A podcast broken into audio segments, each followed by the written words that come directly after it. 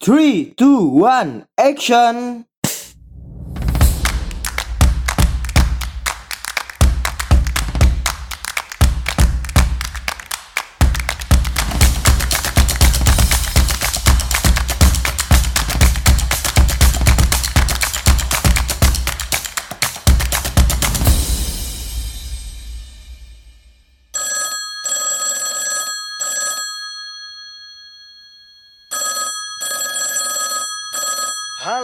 Selamat datang kembali di Pod by MA, tentunya di program Anak Komunikasi. Ya. Oke, para pendengar PDMA, kita sudah masuk ke pertemuan ketiga ya dari Anak Komunikasi. Di pertama kita udah ceritain pengalaman saya secara pribadi menjadi anak komunikasi di tahun 2009 sampai sekarang. Setelah itu di pertemuan kedua kita sudah menjelaskan tentang penting gak sih sebenarnya komunikasi itu sendiri? Yang jawabannya adalah ya penting karena dalam setiap kita berbicara, bertingkah laku, entah itu juga berpakaian, itu juga bagian dari komunikasi. Sehingga tentunya ketika kita berinteraksi dengan seseorang atau kelompok, kita bisa diterima. Nah, di pertemuan sebelumnya kita juga sudah ngebahas tuh tentang struktur dari komunikasi ya. Jadi ada komunikator, ada pesan yang dibalut oleh media, yang dikirimkan oleh media, dan yang terakhir adalah ada komunikannya atau si penerima pesan. Nah, pada pertemuan ini kita akan mendetailkan kembali tentang struktur komunikasi. Apa sih maknanya dan apa-apa saja isinya. Nah, pada pertemuan hari ini kita akan menjelaskan tentang elemen-elemen dalam komunikasi. Yang pertama adalah si komunikator. Banyak orang yang berpikir bahwa komunikator itu adalah orang saja. Nah, padahal sebenarnya komunikator ini bisa banyak banget. Bisa itu hewan, bisa itu tanaman, bisa itu orang tetapi menggunakan medianya itu gambar. Sehingga pesan yang dikirimkan tidak langsung orang itu yang mengirimkan pesannya. Contoh nih, misalkan si pembuat baju. Dia membuat baju, kemudian dibeli oleh seseorang, dan pesannya itu dibawa oleh orang si pembelinya itu. Maka ketika orang melihat gambarnya, melihat modelnya, melihat bentuknya, orang akan menginterpretasikan tentang pakaian yang kita gunakan. Sehingga ragam banget sebenarnya tentang komunikator ini sendiri. Nah, kadangkala disebut juga komunikator ini sebagai sender dan komunikannya itu biasa disebut sebagai receiver atau pengirim dan penerima pesan. Nah, ini bagian-bagian dalam sebuah komunikasi. Dan sender dan receiver ini bertugas sebagai pengirim dan penerima pesan. Dan yang perlu diketahui bahwa komunikator itu tidak melekat pada satu subjek saja, tetapi itu saling bergantian. Misal nih contohnya, saya berbicara dengan mahasiswa saya misalkan. Si A, A minta tolong dong, saya ingin beli pulpen dan kertas. Bisa minta tolong belikan? Karena saya harus mengajar. Oke pak, setelah itu. Dia sebagai komunikan, saya sebagai komunikator saat itu. Tiba-tiba dia mendapatkan masalah. Saya boleh bertanya pak? Gitu. Ada berapa yang bapak ingin beli? Nah, yang model apa pak? Kayak gitu. Nah, dia posisinya saat itu menjadi seorang komunikator yang bertanya kepada saya. Atau saat ini kita melihat tentang perkembangan zaman yang sangat multidimensi, terutama media-media sosial. Nah, nanti mungkin akan kita bahas secara detail di anak komunikasi subbab tentang komunikasi politik 2.0 di buku yang saya buat. Tetapi saya akan menjelaskan sedikit ya. Dengan adanya media online atau media sosial yang sering kita dengar, antara si komunikator dan komunikan itu saling berpindah-pindah. Contoh nih misalkan, dulu pemerintah, seorang presiden, seorang gubernur, ketika membuat sebuah kebijakan, mereka selalu diposisikan sebagai seorang komunikator yang menyampaikan pesan kepada masyarakatnya sebagai komunikan. Tetapi pada saat ada media sosial saat ini, masyarakat bisa kok nge-tweet langsung dengan presiden, bisa langsung balas Instagramnya presiden atau gubernur. Nah, di sinilah sebenarnya komunikator itu tidak melekat terhadap body, tetapi dia itu bisa berpindah-pindah. Begitu juga dengan komunikan. Nah, selain si komunikator dan komunikan, ada elemen yang lainnya, yaitu pesan. Nah, pesan ini merupakan isi dari tindakan komunikasi. Jadi kita ingin ngebuat sesuatu, ingin ngelakuin sesuatu, itulah pesannya dalam bentuk sebuah teks. Nah, kalau anak komunikasi, teks itu jangan dianggap sebuah tulisan ya. Teks itu bisa dari ucapan, bisa jadi tulisan itu sendiri, atau pernyataan-pernyataan. Itu adalah teks juga disebut. Nah, dan pesan ini kadang ada yang disengaja atau tidak. Di pertemuan kelima, kalau tidak salah nanti akan kami jelaskan tentang detailnya disengaja atau tidak disengaja. Tetapi kadang pesan itu ya memang kadang dikirim secara disengaja atau tidak. Misalkan saya sekarang lagi sedih nih gitu. Karena sedih, kemudian saya menggunakan baju acak-acakan yang biasanya setiap hari saya selalu rapi. Kemudian orang menilai itu. Saya nggak sengaja loh sebenarnya ingin mengirim pesan itu. Tapi orang bisa menerima orang-orang yang sering melihat saya seperti itu. Itu bisa jadi pesan yang tidak disengaja. Nah, kalau pesan disengaja ya sudah biasa banget ya. Misalkan kayak tadi saya meminta tolong kepada mahasiswa saya atau misalkan ada mahasiswa bertanya ke saya itu dengan cara disengaja.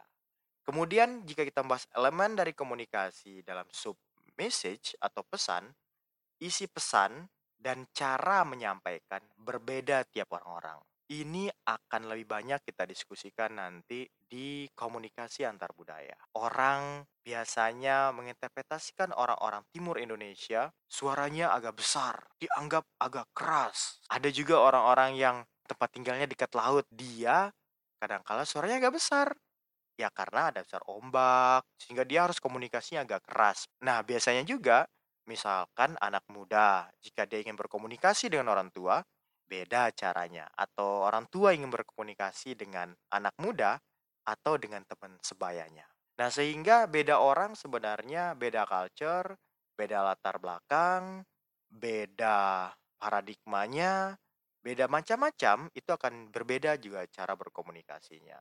Ada orang yang berkomunikasi dengan cara nonverbal dengan lukisan untuk mengungkapkan perasaannya. Ada juga orang yang langsung ungkapin isi perasaannya ketika ada masalah dengan orang-orang di sekitarnya. Jadi berbeda tiap orang, beda juga cara menyampaikan pesannya. Nah, selanjutnya dalam sebuah pesan ini, ini sudah sering kita bahas ya, yaitu verbal dan non-verbal. Verbal atau dengan simpelnya kita menyebutnya itu adalah lisan. Sedangkan non-verbal itu non-lisan bisa dengan gerakan, bisa dengan simbol-simbol, bisa dengan sebuah gambar, atau apa pun lah itu semuanya yang tidak berhubungan dengan lisan, itu juga disebut non-verbal. Bahkan kadangkala pada saat kita tidur, kemudian kita ngorok kayak gitu ya, krok, krok, krok, itu juga sebuah komunikasi.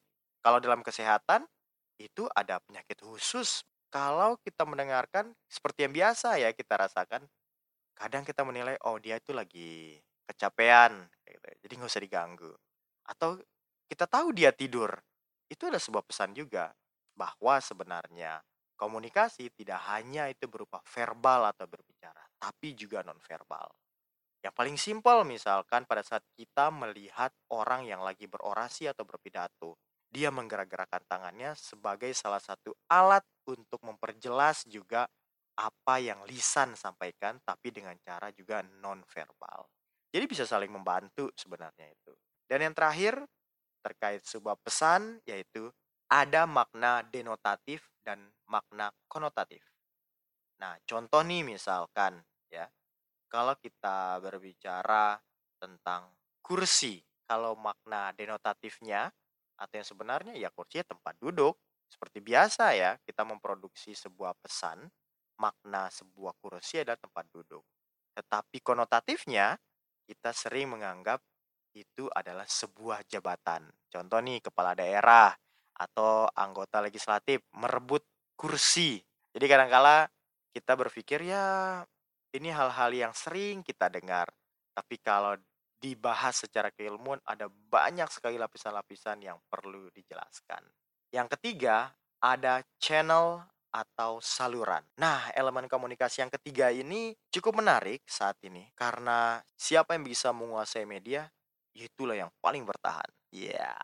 Contohnya misalkan seperti yang saya lakukan saat ini. Saya menggunakan media komunikasi menggunakan audio. Tujuannya adalah agar ketika misalkan mahasiswa saya ada yang kelewatan mata kuliah saya, mereka bisa mendengarkan dengan mudah. Dan kalau misalkan saya nggak bisa masuk kuliah nih karena ada kesibukan misalkan di kampus, ya mereka bisa mendengarkan tentang pelajaran-pelajaran komunikasi. Sehingga ini adalah salah satu media yang saya gunakan untuk kepentingan dan kebaikan saya ke depannya. Dan semoga ini untuk kebaikan untuk mahasiswa juga. Nah, channel ini berhubungan dengan media. Yang pertama ada misalkan media cetak atau koran, majalah, dan yang selanjutnya ada audio kayak sekarang yang saya lakukan. Itu atau misalkan radio. Selanjutnya ada audio visual kayak televisi.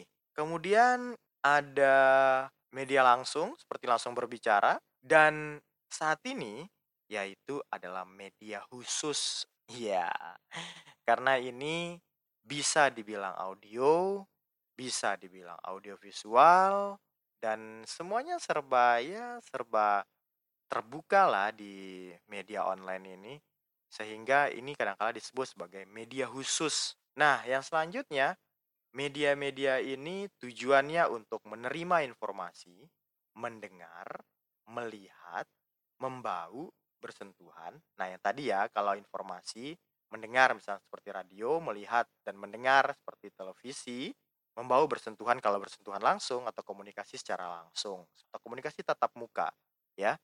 Dan yang tadi media khusus yang semuanya bisa dilakukan. Kita nggak tahu ya ke depannya bagaimana perkembangan media baru yang akan ada di dunia saat ini.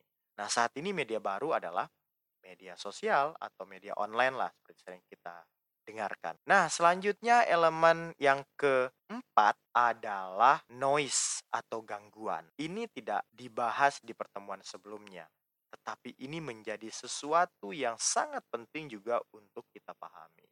Segala yang mengganggu atau menyimpang untuk mengirim atau menerima pesan itu dianggap sebagai noise.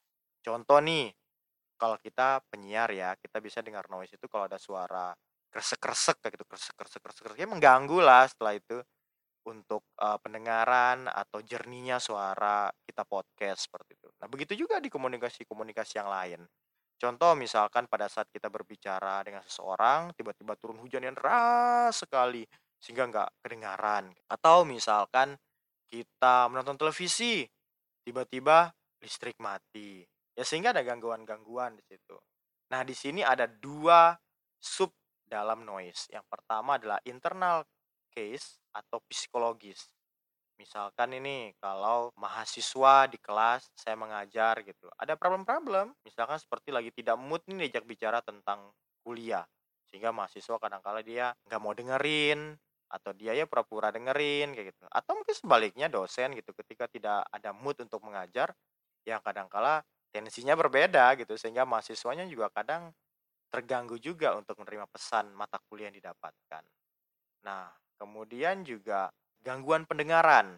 Misalkan ada yang kena petir seperti itu, sehingga gangguan telinga yang akhirnya mendenging gitu. Sehingga ketika orang berbicara ya dia nggak dengar, itu adalah internal case. Yang selanjutnya adalah external case. Misalkan seperti lingkungan, tiba-tiba kita ingin menyampaikan sebuah pesan kepada orang kayak gitu. Lingkungannya kotor, sehingga kita nggak mood lah jadinya. Itu pengganggu juga. Kemudian alat, contoh misalkan handphone, tiba-tiba sinyal nggak ada. Itu juga noise sebenarnya, mengganggu pada saat kita ingin berkomunikasi. Dan elemen yang selanjutnya, yang tidak dibahas juga pada minggu lalu, yaitu adalah konteks. Nah, kita perlu memahami juga konteks setting atau latar di mana peristiwa komunikasi tersebut terjadi. Jangan salah ya, ini salah satu yang sangat-sangat penting dalam dunia komunikasi. Jangan sampai istilahnya tuh kayak gini ya. Kalian berjanji ingin membangun jembatan, tetapi di daerah itu nggak ada sungai. Itu aneh banget itu. Apa yang kalian kalian bangun kalau nggak ada sungai? Nah, jadi itu juga penting untuk kita perhatikan. Ketika teman-teman ingin berkomunikasi tentang perjuangan kemerdekaan, keras, kemudian menggebu-gebu tentang ideologi dan lain-lain. Ternyata yang hadir adalah anak-anak PAUD dan anak TK. Cocok nggak? nggak cocok tentunya. Ya, tapi ketika kalian berbicara tentang kartun, berbicara tentang gambar hewan, seperti itu. Nah, itu menjadi menarik untuk anak-anak PAUD. Begitu juga sebaliknya ketika kalian bertemu dengan orang dewasa ya jangan terlalu banyak bercerita tentang lucu-lucu kartun, tapi mulai bicara tentang ideologi misalkan dengan mahasiswa. Bicara tentang masa depan anak muda. Nah, itu juga yang penting untuk kita pahami yaitu adalah setting atau latar di mana peristiwa tersebut terjadi. Nah, setting ini atau konteks itu berhubungan dengan lokasi di mana komunikasi. Kemudian tema bahasannya, seperti yang tadi saya jelaskan. Dan yang selanjutnya tentang elemen komunikasi, yaitu adalah feedback atau umpan balik. Bagaimana seseorang atau subjek mengirim pesan kepada subjek yang mengirim pesan kepada kita. Wah, susah banget nih bahasanya. Jadi maksudnya seperti ini. Ketika ada seseorang yang meminta tolong pada kita, kemudian kita membalas dengan bertanya, "Apa yang bisa saya bantu?" kayak gitu. Maka ada feedback, maka pesan yang dia kirimkan kepada kita kita terima, kemudian kita membalas untuk berkomunikasi lagi dengan dia. Itulah feedback. Dan yang terakhir adalah effect yaitu hasil yang diperoleh dari komunikasi yang dilakukan. Misalkan nih kita minta tolong mengambil buku pada mahasiswa dan mahasiswa itu mengambil buku dan diberikan kepada kita. Ya, para pendengar PDMA, kita sudah sampai ke pembahasan terakhir tadi, yaitu efek. Ada berapa tuh tadi elemen komunikasi? Yang pertama, ada komunikator komunikan atau Bisalah kita sebut sebagai subjek. Selanjutnya ada pesan, ada channel, ada noise, ada konteks, ada feedback atau umpan balik, dan yang terakhir adalah effect. Nah, para pendengar Pod by MA, apalagi ya yang menarik akan kita bahas di pertemuan selanjutnya. Tentunya masih jadi rahasia. Tetap dengerin Pod by MA tentunya di channel Anak Komunikasi. 就。